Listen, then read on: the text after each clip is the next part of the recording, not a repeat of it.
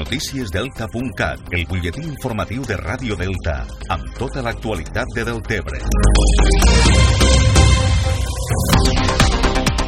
És temps ara per repassar l'actualitat d'avui dijous a Ràdio Delta, marcada per l'històric dragatge del riu Ebre.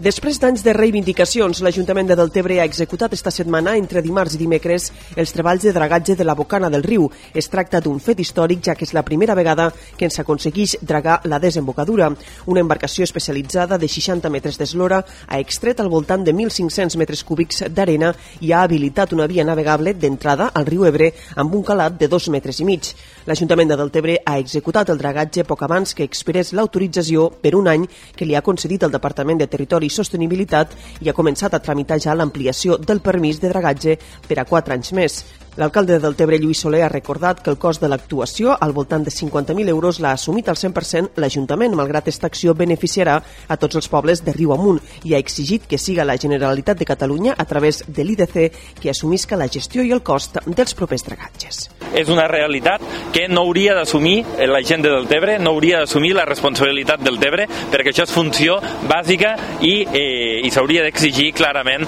a lo que és eh, els serveis eh, de l'Institut de Desenvolupament de les Comarques de l'Ebre, el que seria convenient és que la Generalitat, a través de l'Institut de Desenvolupament de les Comarques de l'Ebre, assumís la gestió dels tres dragatges que s'han de fer a l'any per a garantir la navegabilitat del riu tal com tocaria. El dragatge beneficiarà sobretot els sectors pesquer i nàutic del Port de Deltebre que es troba situat dins del riu, ja que fins ara no havien tingut garantida una via navegable segura i estable per la desembocadura. De fet, segons la confraria de pescadors, les embarcacions no poden sortir a la mar de mitjana uns 120 dies a l'any, amb les pèrdues econòmiques que això suposa per al sector pesquer. Pasqual Chacón és el secretari de la confraria de pescadors. Però nosaltres perdem, perdem eh, eh, eh, esos dies de pescar que vosaltres no podeu ignorar, però que per a moltes barques són necessaris per a la seva família. Per a nosaltres és un dia molt important important perquè per primera vegada la importància de Deltebre està al, al puesto que es mereix, no?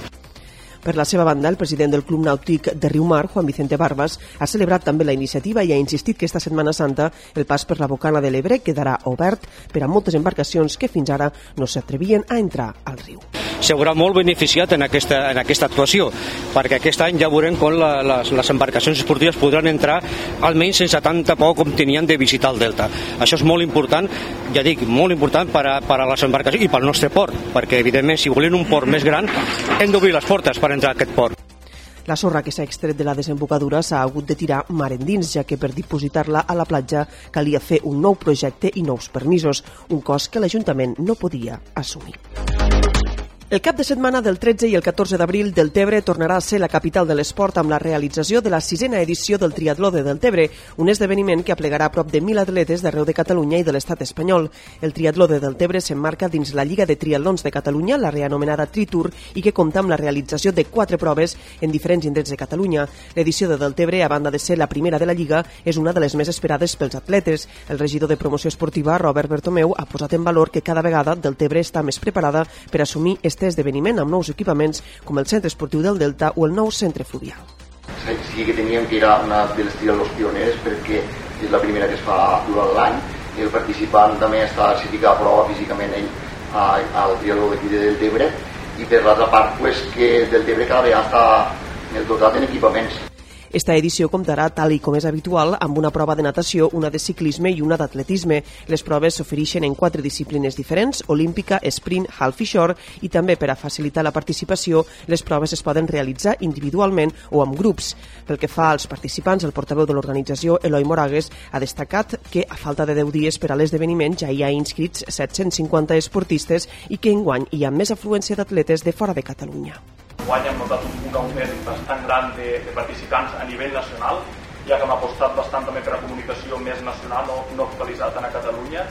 i a dia avui tenim un 60% de participants de, de Barcelona, després tenim de Madrid també sobre unes 15 persones, eh, molta gent de comunitat valenciana, com, com Aragó, País Basc, i, i crec que això és una fita molt important